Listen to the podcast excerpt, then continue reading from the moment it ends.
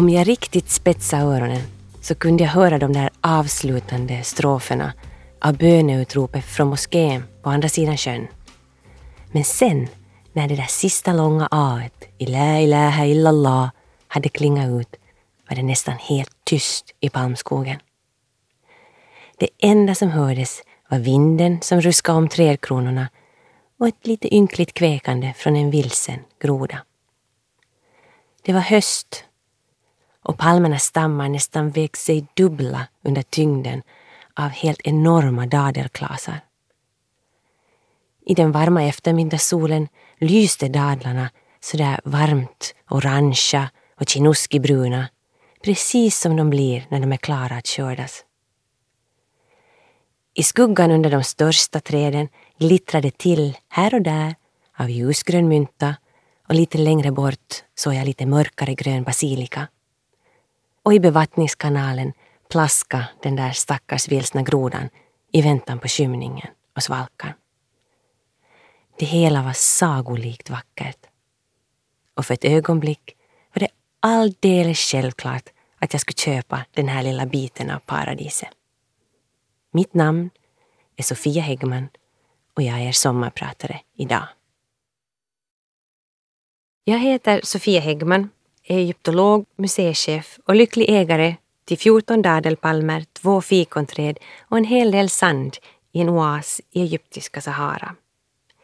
Musiken ni nyss hörde var ledmotivet Arabian Nights ur Disneys tecknade film Aladdin som ger en kanske något klichéartad men oj så stämningsfull bild av livet i Orientens öken.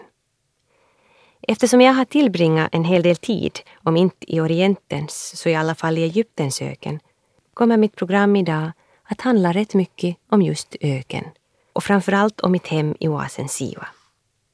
Nu är öknen inte mitt enda hem. Jag är född i Helsingfors och till stor del uppvuxen i Vasa. Jag har också starka band till kökar i Ålands skärgård där jag tillbringar många underbara somrar. Jag studerar i Uppsala och jag har bott länge i Stockholm där jag idag är egyptolog på Medelhavsmuseet. Och i olika sammanhang, lite beroende på vem som frågar, kallar jag stolt alla dessa platser hemma. Och så har jag alltså ett hem, ett litet, litet hus i en liten, liten palmlund i oasen Siwa som ligger så långt västerut man kommer i Egyptens öken. Alldeles vid gränsen mot Libyen och 300 kilometer rakt in i Sahara från Medelhavets södra kust. Det var inte alls självklart att jag skulle bli så bofast i Siva som jag med tiden har blivit. Den där dadelunden var egentligen, som ni kanske anar, ett impulsköp. Jag köpte tomten mest för att den var oemotståndligt vacker. Men också för att jag har svårt att säga nej. Så det ena ledde till det andra och där stod jag sen en höstdag med mina palmer och min källa i mitt eget sandiga hörn av Siva.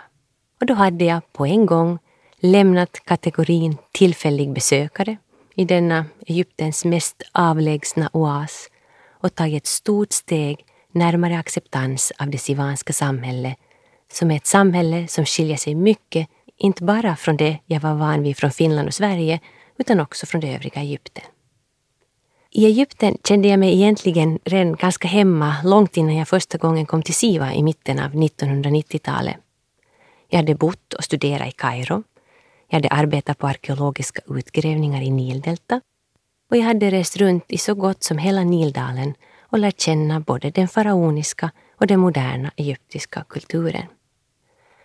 Att jag kom att intressera mig för Siva så sent berodde nog mest på att oasen låg så väldigt avlägset och att det på den tiden inte fanns någon bussförbindelse från Kairo till Siva. Siva låg dessutom i ett avspärrat militärområde och var svårt att få besöka.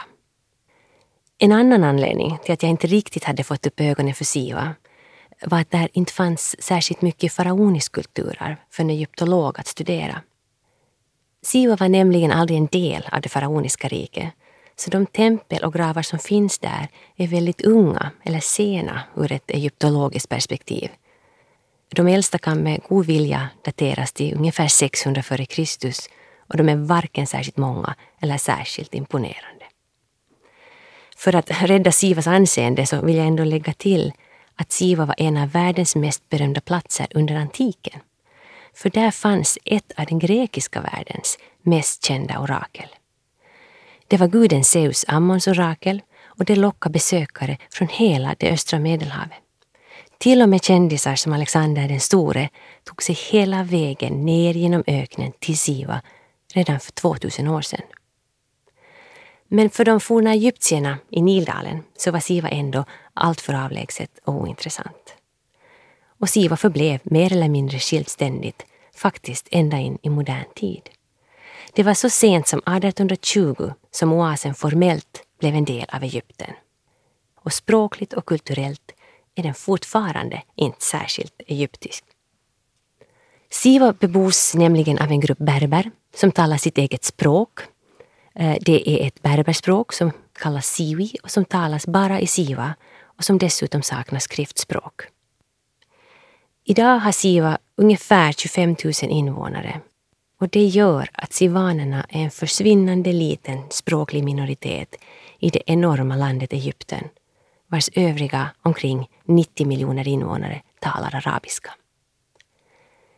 Idag lär sig de flesta sivaner arabiska i skolan, men kanske framför allt genom TVn som har en väldigt central plats i hemmen. Men så var det inte när jag kom till Siva för drygt 20 år sedan. Då var det verkligen som att komma till ett annat land. Språket, husen, kläderna, maten, ingenting liknar Egypten. Det var också på sätt och vis hela anledningen till att jag reste dit. Det råkade sig nämligen så att mitt första besök i Siva inföll mitt i varmaste sommaren. Jag höll på att studera arabiska i Kairo och när temperaturen i flera veckor hade legat på ja, över 45 grader så hade jag fått nog av storstan. Det var så hett så att asfalten nästan kokade under fötterna och det var trångt och smutsigt och det var fullt av varma och irriterade människor överallt. Och jag längtade mer och mer efter tystnad, ren luft och tomma ytor. Med anledning av Egyptens nationaldag var vi lediga fyra dagar i slutet av juli. Istället för att följa med mina kurskamrater som reste till Sharm el-Sheikh på Sinai så valde jag med kartans hjälp ut den ort som låg allra längst bort från Kairo. Den orten var och är fortfarande Siva som ligger där som en röd prick mitt i allt det beiga, precis där vägen tar slut. Det var med andra ord inget storslaget vetenskapligt syfte som förde mig till Siva. Jag drömde varken om att hitta Alexander den stores grav, som för övrigt lär ligga just i Siva, eller om att spåra upp Kambyses förlorade armé. Jag drömde bara om lugn och ro och tystnad. Och Siva var verkligen tyst så där ofattbart tyst som bara en plats omgiven av tusentals kilometer öken kan vara. Det var en lång bussresa till Siva den där första gången och fruktansvärt varm. Men mitt mest bestående minne av den är horisont.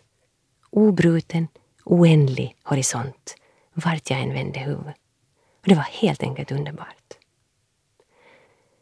Nu är jag kanske mer besatt av horisont och öppna vidder än de flesta andra jag har ända sedan liten varit klaustrofobisk och har svårt med trånga utrymmen. Hissar, flygplan och pyramider är det absolut värsta. Men också mörker, folksamlingar, täta skogar. Egentligen allt som hindrar sikten och som skymmer horisonten är potentiellt obehagligt och hotfullt. Man kan tycka att jag då borde ha förstått att öknen i sin oändlighet skulle vara den perfekta miljön för mig. Men innan jag åkte till Siva hade jag egentligen bara sett öknen från sidan, från Nildalen. Och det är inte alls samma sak som att befinna sig mitt i den och vara omsluten av den. Men jag behövde bara stiga av bussen i Siva för att förstå att nu hade jag hamnat precis rätt. Allt liksom klickade till en gång och satte sig. Tillvaron slutade skava och för ovanlighetens skull så längtade jag inte alls någon annanstans. Jag stannade inte alls länge i Siva den där första gången, bara några dagar, men det blev snart fler besök. Jag kom tillbaka allt oftare och stannade allt längre och jag började lämna kvar saker. Några böcker, kläder, husgeråd. Saker som hela tiden fanns där som ett slags små ankaren som drog mig tillbaka till oasen om jag var borta för länge. Nu efteråt inser jag hur lycklig jag var som hann göra Siva till mitt hem innan oasen var helt inlemmad i omvärlden. För sen jag kom till Siva har oasen drabbats först av turismen och nu under senare år av den politiska oro och den här känslan av annalkande katastrof som ligger som ett slags hotfulla moln över stora delar av Nordafrika och Mellanöstern. Jag tror inte att sivanerna skulle ta mig till sig med samma nyfikna värme idag som de gjorde då, för 20 år sedan. Men vad är det då för en plats, denna Siwa-oas som jag nu då kallar mitt hem? De flesta som hör ordet oas tänker kanske på en liten sjö, några palmer, ute där mellan sanddynerna. Och det finns sådana små oaser också. Men Siva är betydligt större. Siva-oasen är egentligen en stor sänka ner i den omgivande ökenplatån. Det är en oregelbunden sänka, men den är ungefär 30 gånger 80 kilometer. Men de allra flesta av dess invånare bor i centralorten Siva, där det finns ett torg med några butiker och ett par restauranger. Sivanerna har i alla tider försörjt sig på att odla dadlar och det gör de i trädgårdar som bevattnas eh, genom naturliga källor och också allt mer genom konstgjort borrade brunnar. Och det är faktiskt så att Siva har för mycket vatten och att en stor del rinner helt oanvänt ut i oasens sjöar. Även om Siva då officiellt blev egyptiskt redan i början av 1800-talet så var oasen mer eller mindre helt isolerad långt, långt in på 1900-talet. Och Siva har fortfarande varken järnvägs eller flygförbindelse med övriga Egypten. Och den första riktiga vägen till oasen asfalterades så sent som 1986. Och den vägen är fortfarande Sivas enda länk till världen på andra sidan öknen. Och det är på den som bussen går till närmaste stad som är Marsa Matruh ute vid kusten och där man sen kan byta buss och åka vidare till Kairo eller Alexandria. En bussresa från Siva till Kairo idag tar någonstans mellan 10 och 12 timmar beroende på årstid, chaufför och antal pauser. Bortsett från den här asfalterade navelsträngen så är Siva fortfarande helt isolerat och på alla sidor omgivet av öken. Det där var Robban Brobergs intryck av Egyptens öken. Det är kanske inte helt rättvist, för all öken är faktiskt inte smutsbrun och tråkig. Öken kan egentligen se ut på väldigt många olika sätt och den kan vara väldigt omväxlande. Öken kan bestå av sand, grus, berg eller till och med lera. Och den kan visserligen vara ganska enformig, men den kan också vara alldeles underbart vacker. Just vid Siva är öknen ovanligt vacker. För här börjar den del av Sahara som kallas The Great Sand Sea, eller det stora sandhavet. Och här påminner öknen verkligen om just hav, med mjukt rullande vågor av sand hela vägen bort mot horisonten. Det är stora vågor och små vågor om vartannat. Och så ser öknen ut ända från Siva i norr till Sudan i söder och långt in över den libyska gränsen i väster. Ett oändligt sandhav. Att vistas ute i den här öknen är lustigt nog både avkopplande och stimulerande på samma gång. Det är avkopplande för att det är så tyst och för att det aldrig är bråttom. Det finns ingenting man måste hinna just i den här stunden eller ens den här dagen. Och det spelar ingen roll om man stannar och övernattar just vid den här sanddynen eller vid en annan identisk sanddyn 50, 100 eller till och med 150 kilometer bort. För ingen av dem finns ju på kartan i alla fall. Och också 150 kilometer, ett minimalt avstånd sett i förhållande till öknens oändlighet. Så i öknen får allting, både arbete, vila, förflyttning, helt enkelt ta den tid som det tar. Och det gör att man hinner tänka sina tankar färdigt utan att avbrytas. Man är ju dessutom på ett nästan kusligt sätt utlämnad just åt sina egna tankar när det inte finns någonting annat som sker uppmärksamheten. Ingen TV, ingen dator, ingen telefon och inte heller några träd, hus, bilar och inte ens människor. Bara en nästan öronbedövande tystnad och oändliga sandvidder. Nu är öknen inte tom riktigt på allt levande. Man kan se enstaka djur. Oftast är det då flyttfåglar på väg, antingen norrut eller söderut. Och man kan faktiskt också träffa människor i öknen. De här människorna som rör sig kors och tvärs genom öknen brukar av media men också av myndigheter ofta beskrivas som smugglare. Och det stämmer så tillvida att de bedriver en handel över nationsgränser. Men det är en handel som de flesta av dem uppfattar som helt normal.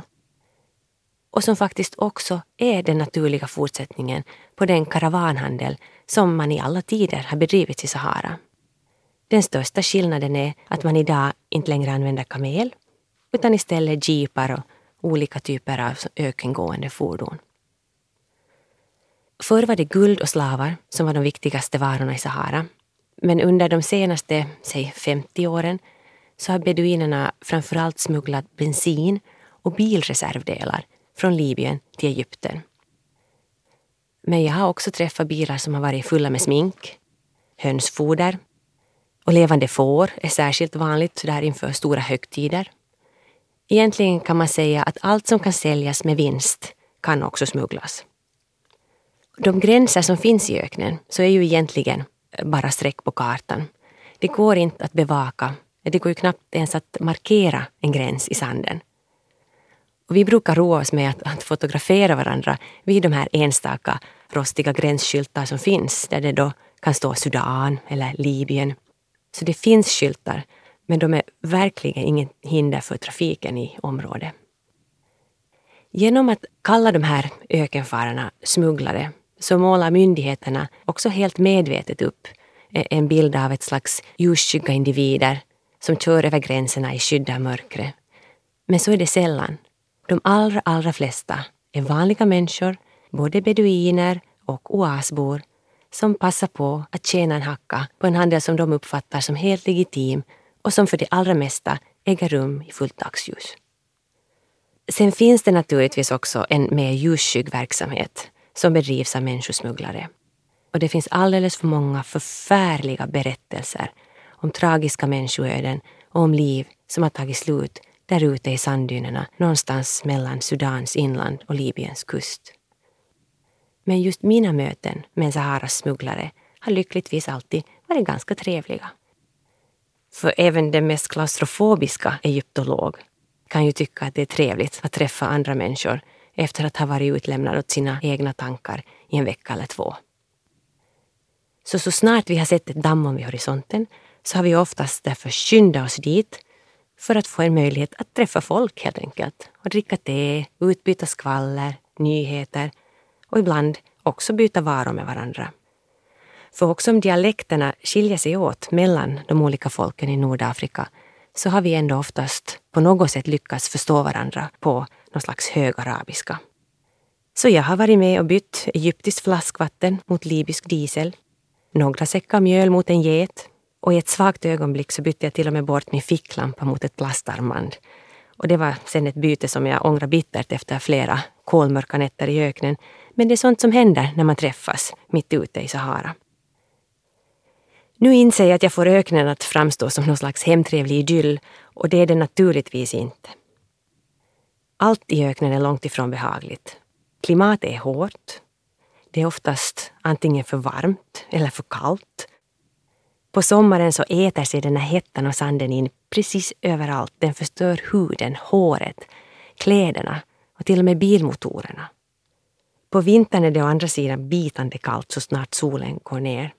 För det finns ju inga vatten, ingenting som kan hålla kvar värmen. Och jag har aldrig frusit som jag har gjort i öknen. I öknen är det mesta ganska obekvämt.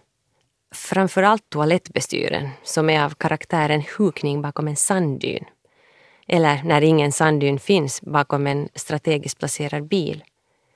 Jag har en kollega som försökte låta bli att äta så att han inte skulle behöva gå på toaletten under tre veckor i öknen. Det gick väl sådär halvbra och det är nog ingenting jag skulle rekommendera i längden. Så livet i öknen är med andra ord långt ifrån alltid en dans på rosor. Men det minskar inte öknens lockelse. Snarare tvärtom. Det gör varje resa i öknen till en utmaning. En mycket känd egyptisk ökenfarare, Ahmed Hassanein Bey lär ha sagt ungefär att den som en gång lärt känna öknen, han kommer alltid att återvända dit, hur grym och hänsynslös öknen än är. Det där var någon gång på 1920-talet, men det stämmer fortfarande. Öknen lockar och har man en gång varit där så längtar man ständigt tillbaka. Jag är ändå den första att erkänna att en del av charmen med öknen ligger i oaserna. Jag föreställer mig att oaser är lika välkomna för en ökenfarare som hamnarna är för den som har varit en längre tid till havs. För när man har tillbringat veckor ständigt omgiven av olika nyanser av beige så är det en fröjd för öga att få syn på det där första gröna som vittnar om att nu, nu nalkas vi en oas. Och redan långt innan man ser den så kan man faktiskt ana oasen i de ljud och de dofter som slår emot i vinden. Det första vi brukar kunna höra är böneutropen från moskéerna och skratten från lekande barn. Kanske rent av ibland sångerna och musiken från de män som jobbar ute i dadelträdgårdarna. Sen börjar man känna lukten av rök och dynga och om vi har tur av citrusträd i blom. För ingenting är så ljuvligt som doften av blommande citrus. Jag drömde faktiskt en gång om att bo i Toscana och odla citroner. Nu odlar jag då istället dadlar i libyska öknen, men det är inte fy skam det heller. När jag köpte min lilla dadelpalmlund så hade jag ingen tanke på att bygga hus i den. Jag var helt nöjd bara med mina palmer och det är dessutom faktiskt förbjudet att bygga hus på jordbruksmark i Egypten. Helt enkelt för att det finns så ont om brukbart land. Men ibland blir det ju inte som man har tänkt. Någon var skyldig en annan en tjänst. En tjänsteman såg mellan fingrarna och ett bygglov utfärdades. Jag minns tydligt hur det var, mest för att det var mitt i natten när mina entusiastiska vänner i Siva ringde för att meddela att nu, nu var det verkligen läge att bygga hus på den där tomten jag hade. Och som så många andra så avskyr jag bli väckt mitt i natten. Så för att få ett snabbt slut på det där telefonsamtalet och få somna om så avfärdar jag vännerna. Ni vet sådär som man gör. Mm, ja, mm, bra, bra. Bygg ni bara. Och de byggde. Och resultatet blev ett litet, typiskt sivanskt hus byggt i oasens salta lera och med tak av palmstockar. Jag försökte faxa ner en teckning på hur jag föreställde mig att det här huset skulle se ut. Det här var långt före e-mail och smarta telefoner och allt sånt. Men antingen kom den där faxen faktiskt aldrig fram. Eller så struntade mina vänner helt enkelt i den.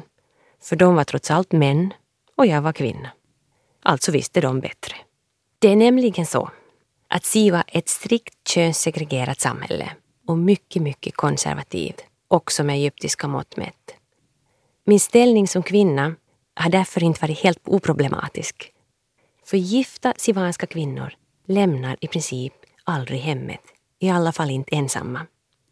Om de ska hälsa på släkt och vänner så skjutsas de då av någon manlig släkting från dörr till dörr.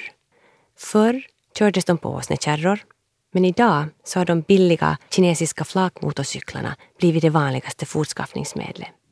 Och när de rör sig utanför hemmet är dessa sivanska kvinnor alltid, utan undantag, insvepta från topp till tå i stora blåvita, vackert broderade tygstycken. Och det är vid de här tillfällena som besökare i Siva kan få syn på kvinnorna när de skumpar omkring som någon slags vackert paketerade potatissäckar på motorcyklarnas hårda flak. Den enda anledningen till att Sivanen accepterar att jag cyklar omkring barhuvad och i t-skjorta och jeans är att jag är utlänning och icke-muslim. Och därför mäts jag med en annan måttstock. Och därför är jag inte heller bunden av samma regler som deras egna kvinnor. Så jag kan bo alldeles ensam i mitt hus och jag kan cykla omkring obehindrat. Och jag kan dessutom röra mig fritt mellan männens och kvinnornas sfärer på ett sätt som är helt otänkbart för en sivansk kvinna. Ibland får jag till och med vara med och fatta viktiga beslut tillsammans med oasens män, som ett slags hedersman. Och det är till och med så att de använder maskulint pronomen när de talar till mig och när de talar om mig. Men andra gånger så är jag mest någonting mittemellan, varken riktigt en han eller en hon. Jag heter Sofia Häggman, är egyptolog och berättar om livet i oasen Siwa där jag har ett litet hus. Jag konstaterade nyss att sivanerna har gjort ett undantag för mig. Att jag inte begränsas av samma regler som gäller deras egna kvinnor. Men sen när allt verkligen kommer till kritan så är jag ju ändå kvinna och min åsikt därmed underordnad männens. En ständig påminnelse om det här är mitt köksfönster. När jag första gången kom ner till Siva och såg mitt hus så kunde jag ju inte undgå att märka att det inte fanns något fönster i köket, trots att jag så tydligt hade markerat det på min teckning. Så jag frågade vad som hade hänt med köksfönstret. Vi har inte fönster i köket, fick jag till svar. Det var som så självklart att ingen ens hade reflekterat över det. Anledningen till att man i Siva inte har fönster i köket är att det är där husets kvinnor håller till. Och man vill ju inte att någon ska kunna kika in och få syn på kvinnorna. Att vem som helst sen kunde se mig när jag cyklade omkring över torget eller handlade i butikerna, det spelade ingen roll. Ingen skulle smyga omkring och titta in genom mitt köksfönster. Att det fanns fönster i de andra rummen i mitt lilla hus, det var helt okej. Okay. Men ett köksfönster, det var helt enkelt oanständigt. Vi grälade länge om köksfönstrets vara eller inte vara, jag och mina sivanska vänner. Och först efter att jag hade hotat med att hålla inne hantverkarnas löner fick jag till slut min vilja igenom och det blev ett köksfönster. Men det blev lite, lite mindre än alla andra fönster, bara som en markering. Så där är det. Det ger mitt hus ett lustigt asymmetriskt utseende och finns som en ständig påminnelse om att jag är kvinna i ett samhälle där allting sker på männens villkor. Att bygga ett hus i Siva var, som ni förstår, inte alltid helt lätt. Men det var ett väldigt effektivt sätt att komma in i det sivanska samhället. Snabbt lärde jag känna byggarbetare, plattläggare, rörmokare, elektriker, dadelpollinerare och många, många andra vars tjänster plötsligt var helt nödvändiga. Drick te och skaffa dig vänner. Det var det första i raden av många kloka råd som jag fick av min närmaste granne. Tedrickande är väldigt viktigt i det sivanska umgänget. Och att tacka nej till te är att visa sig ointresserad av vänskap. Och utan vänner och kontakter kommer man ingenstans. Det gäller säkert lite varstans, men det är särskilt sant i Egypten. Där spelar det ingen roll hur begåvad du är eller hur hårt du arbetar. Utan wasta eller kosa, det vill säga kontakter eller tjänster att kassera in vid behov, så är chansen att nå ända fram ganska liten. Och det kan gälla en akademisk examen, ett uppehållstillstånd, ett jobb, ett eftertraktat kontrakt eller, ja, som i mitt fall, ett bygglov på jordbruksmark. Så jag hörsammar min grannes råd och oj vad mycket te jag har druckit genom åren. Men nu känner jag inte bara elektrikern, rörmokaren och han som pollinerar palmer, utan också apotekaren, imamen i moskén på andra sidan vägen och flera av Sivas shejker. Jag går på bröllop, begravningar och andra tilldragelser och jag dricker de där obligatoriska tre glasen starkt te med både ortsbor och utsocknes. Och så skänker jag tionde till moskén i samband med dadelskörden varje höst. Och bit för bit har jag vuxit in i rollen som sivanska och förvandlats från Sofia, den där underliga utlänningen på cykel, till Tosfeja från Tunnosar. Där T är en bestämd artikel som gör Sofia till Tosfeja och där Tunnosar är mina hemkvarter. Det har sagts att hemma, det är den plats där människor talar om en också när man inte är där. Och i så fall har Sivo verkligen blivit mitt hem för jag vet att de talar om mig i Siva när jag inte är där. På gott och ont. Det pratas överlag ganska mycket i Siva. Och det som vi kanske skulle avfärda som skvaller är inte bara ett sätt att fylla ut tiden under långa varma sommardagar. Det är också ett sätt att hålla samman den egna gruppen det vill säga familjen. Och det gör man mest effektivt genom att kontrollera familjens kvinnor och deras beteende. Ingen kvinna vill bli utsatt för skvaller. Eller ännu värre, utsätta sin familj för det. Och det besvärliga är att vad som helst kan sätta igång det där skvallret. Det kan vara en ung kvinna som går för raskt över torget, eller för långsamt. Eller en kvinna som talar med en man som inte tillhör den närmaste familjen. Eller en kvinna som tillbringar ovanligt lång tid inne i en butik. I värsta fall kan vad som helst av det här svärta ner hennes rykte och därmed också hela hennes familjs anseende.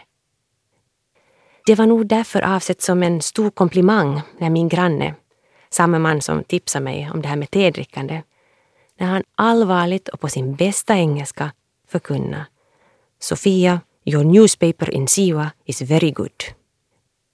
Det vill säga mina nyheter, det som sägs om mig, är köksfönstret till trots gott. Det är kanske inte så viktigt för mig, men det är viktigt för mina grannar och mina vänner och andra som kan förknippas med mig. Köksfönstret var nu bara ett av de många problem som kantar vägen mot ett eget hus. Golvet, vattenledningarna, väggarna. Ja, snart sagt allt byggdes, revs och gjordes om, ofta flera gånger innan vi fann lösningar som kunde accepteras både av mig och av mina sivanska vänner och grannar. Flera av de problem och missförstånd som uppstod berodde på kommunikationssvårigheter. Och då menar jag inte att vi missar några små kulturella nyanser, utan rent konkret att man på den tiden inte kunde komma fram till Siwa på telefon från utlandet. Det var tider det, förstår ni, när inte ens breven kom fram till Siwa eftersom ingen på centralposten i Kairo någonsin ens hade hört talas om oasen. Lite komplicerat kanske, men jag måste ändå så här romantiskt konstatera att det faktiskt var bättre förr. När jag kunde vara onåbar i veckor och när det inte fanns någon fungerande telefon, inga mobiler, inget internet. Inte ens elektricitet efter klockan åtta på kvällen. För då hade jag ju en anledning att i skenet av oljelamporna plocka fram min vevgrammofon. Också den för övrigt ett impulsköp. Och vissa låtar gör ju sig ändå bäst på en lite äldre grammofon. Det där var Fred Astaire som sjöng och virvlade runt med Ginger Rogers. Ett av mina finaste, men också mest bizarra minnen från de första åren i Siva är hur jag till just den här låten lärde Oasens skolföreståndare att dansa västerländskt sådär kind mot kind som de sjunger.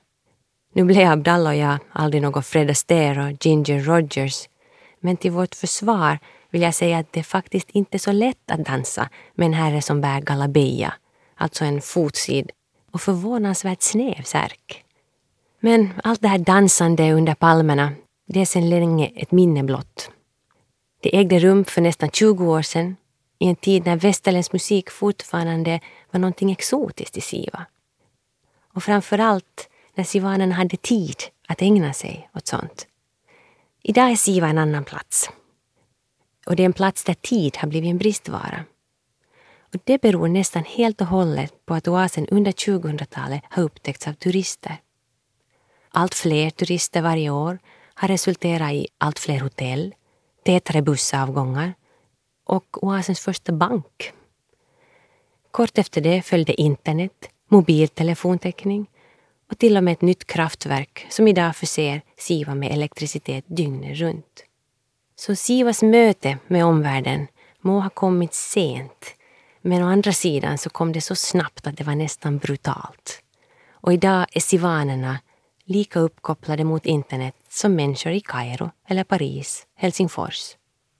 De kan se samma satellitkanaler och umgås på samma sociala medier. Och det finns knappt någon i Siva idag som kommer ihåg hur isolerad oasen var för bara en generation sedan. Särskilt för kvinnorna har förändringen varit stor.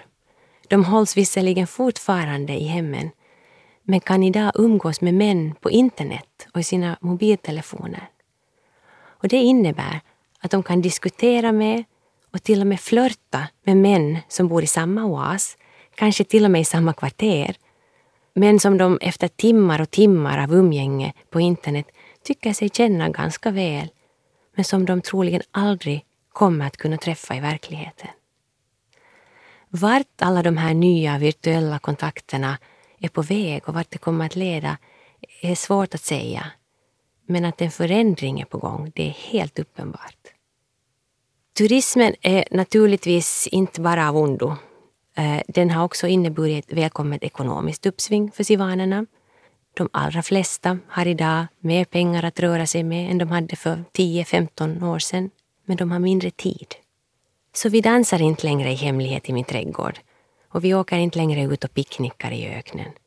Och det var flera år sedan vi tog oss tid att bara ligga på rygg på toppen av någon sanddyn och titta på stjärnorna. Därmed inte sagt att sivanerna har slutat köra i öknen. Tvärtom. Ökenfärder, eller safarin som de kallas numera, har blivit en viktig inkomstkälla. Turister betalar stora pengar för att i halsbrytande fart köras ner för höga sanddyner, plocka snäckfossil vid urgamla sjöstränder eller bada i heta källor.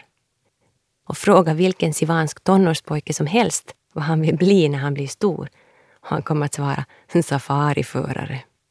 Och då är det inte bara pengarna och de snabba bilarna som lockar.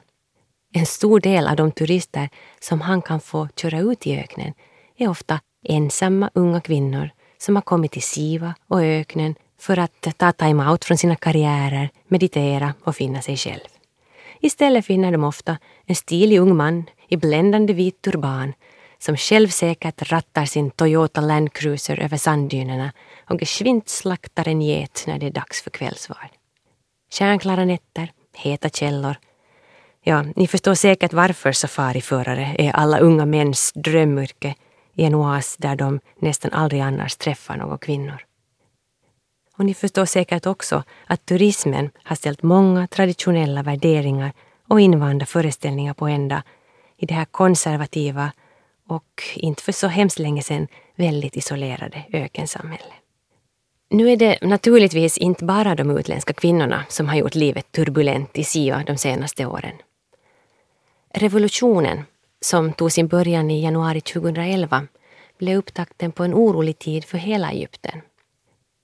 I Siva gladdes man när Muslimska brödraskapets kandidat Mohammed Mursi valdes till Egyptens president år 2012. De flesta sivaner är fromt religiösa och de uppfattar Mursis vägval som det rätta.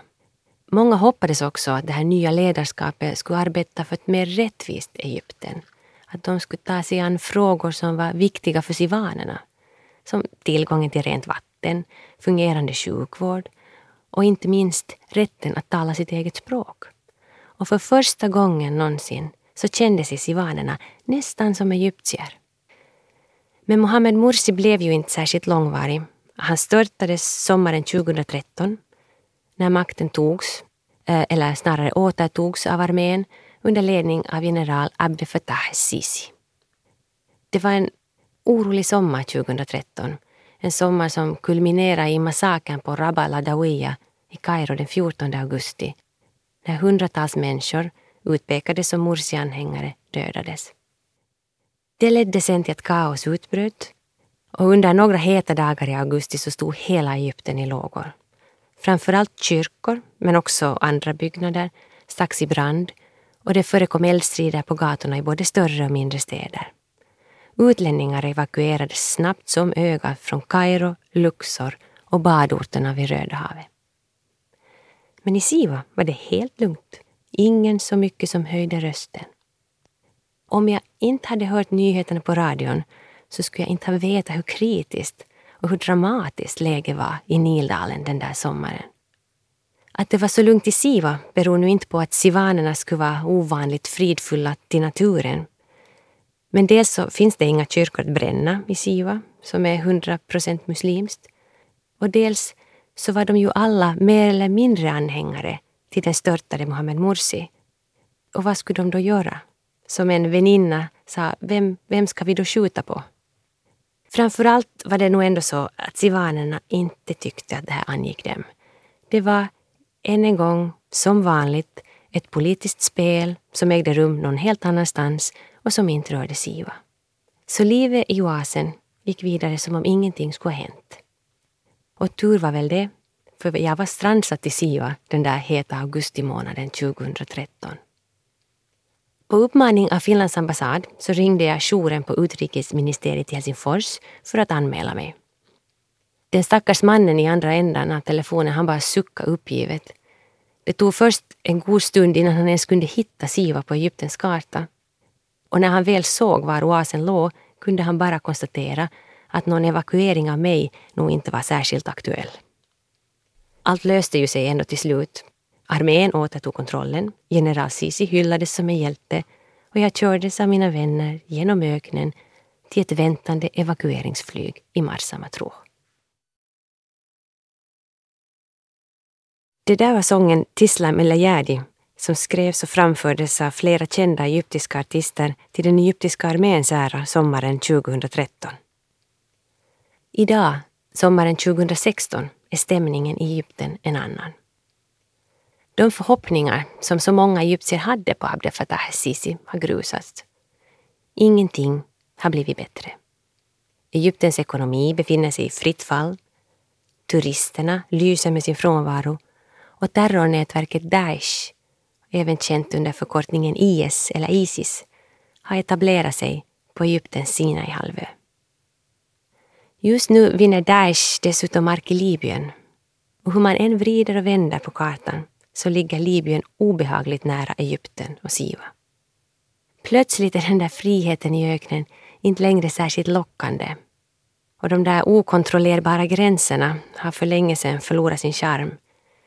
I synnerhet nu när dagens smugglare inte längre nöjer sig med hönsfoder och smink utan satsar på den betydligt mer lönande smugglingen av vapen istället. Och att det finns gott om vapen på den libyska sidan gränsen, det är ingen hemlighet. Så idag känns den där långa vägen genom öknen och ut till Siva ganska ödslig.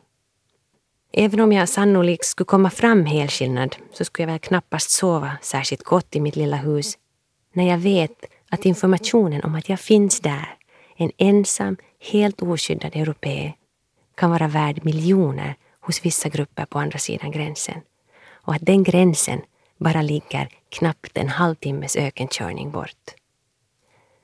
Risken att någonting skulle hända är visserligen liten. Men oron över att det ska kunna hända har än förtagit glädjen. När det där dammolnet vid horisonten inte längre är upptakten till ett spännande möte utan mer känns som ett hot, då är det nog dags att ta en paus i ökenfärderna. Jag har därför inte varit i Siva på över ett år. Och oj vad jag saknar öknen. Jag saknar värmen i vinden, jag saknar lukten av dammet och känslan av varm sand under fötterna. Jag saknar Siva, jag saknar mina vänner, mina grannar, till och med min värdelösa rörmokare som mest bara dricker te och röker billiga cigaretter. Och jag oroar mig för dem och för deras framtid. För just nu så ser det verkligen inte särskilt ljust ut. I mina mörkare stunder så tvivlar jag på att jag under min livstid kommer att hinna uppleva fred vid Medelhavet.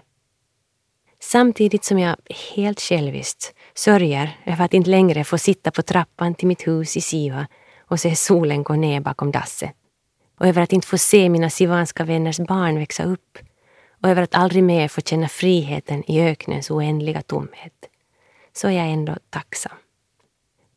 Jag är tacksam över den tid jag ändå har haft i öknen och över den värme och den vänskap som jag mött i Siva. Och att jag under så lång tid fått kalla oasen mitt hem. Mest av allt är jag ändå tacksam över att jag, till skillnad från mina sivanska vänner, har möjligheten att välja. Att jag utan problem kan lämna öknen och flyga till ett annat av mina hem. Här, i en betydligt säkrare del av världen, där jag kan vänta ut kriget och farorna. Okej, okay, jag får visserligen inte följa mina sivanska vänners och deras barns utveckling. Men jag får se mitt eget barn växa upp i en tryggare värld. En värld som han ostört kan utforska och göra till sin. Långt ifrån de undermåliga farkoster i vilka alldeles för många av hans jämnåriga tvingas ut på ett kallt och stormigt medelhav. Och nu finns det ju lyckligtvis horisonter att vila blicken på också i den här torftigt ökenlösa delen av världen. I synnerhet nu på sommaren. För vad är havet egentligen? Om inte en våtare variant av öken. Samma frihetskänsla, samma vind, samma vågor och samma oändliga horisont. Bara lite blåare. Och det ska jag väl kunna leva med i väntan på öknen. Mitt namn är Sofia Häggman och jag har varit er sommarpratare idag.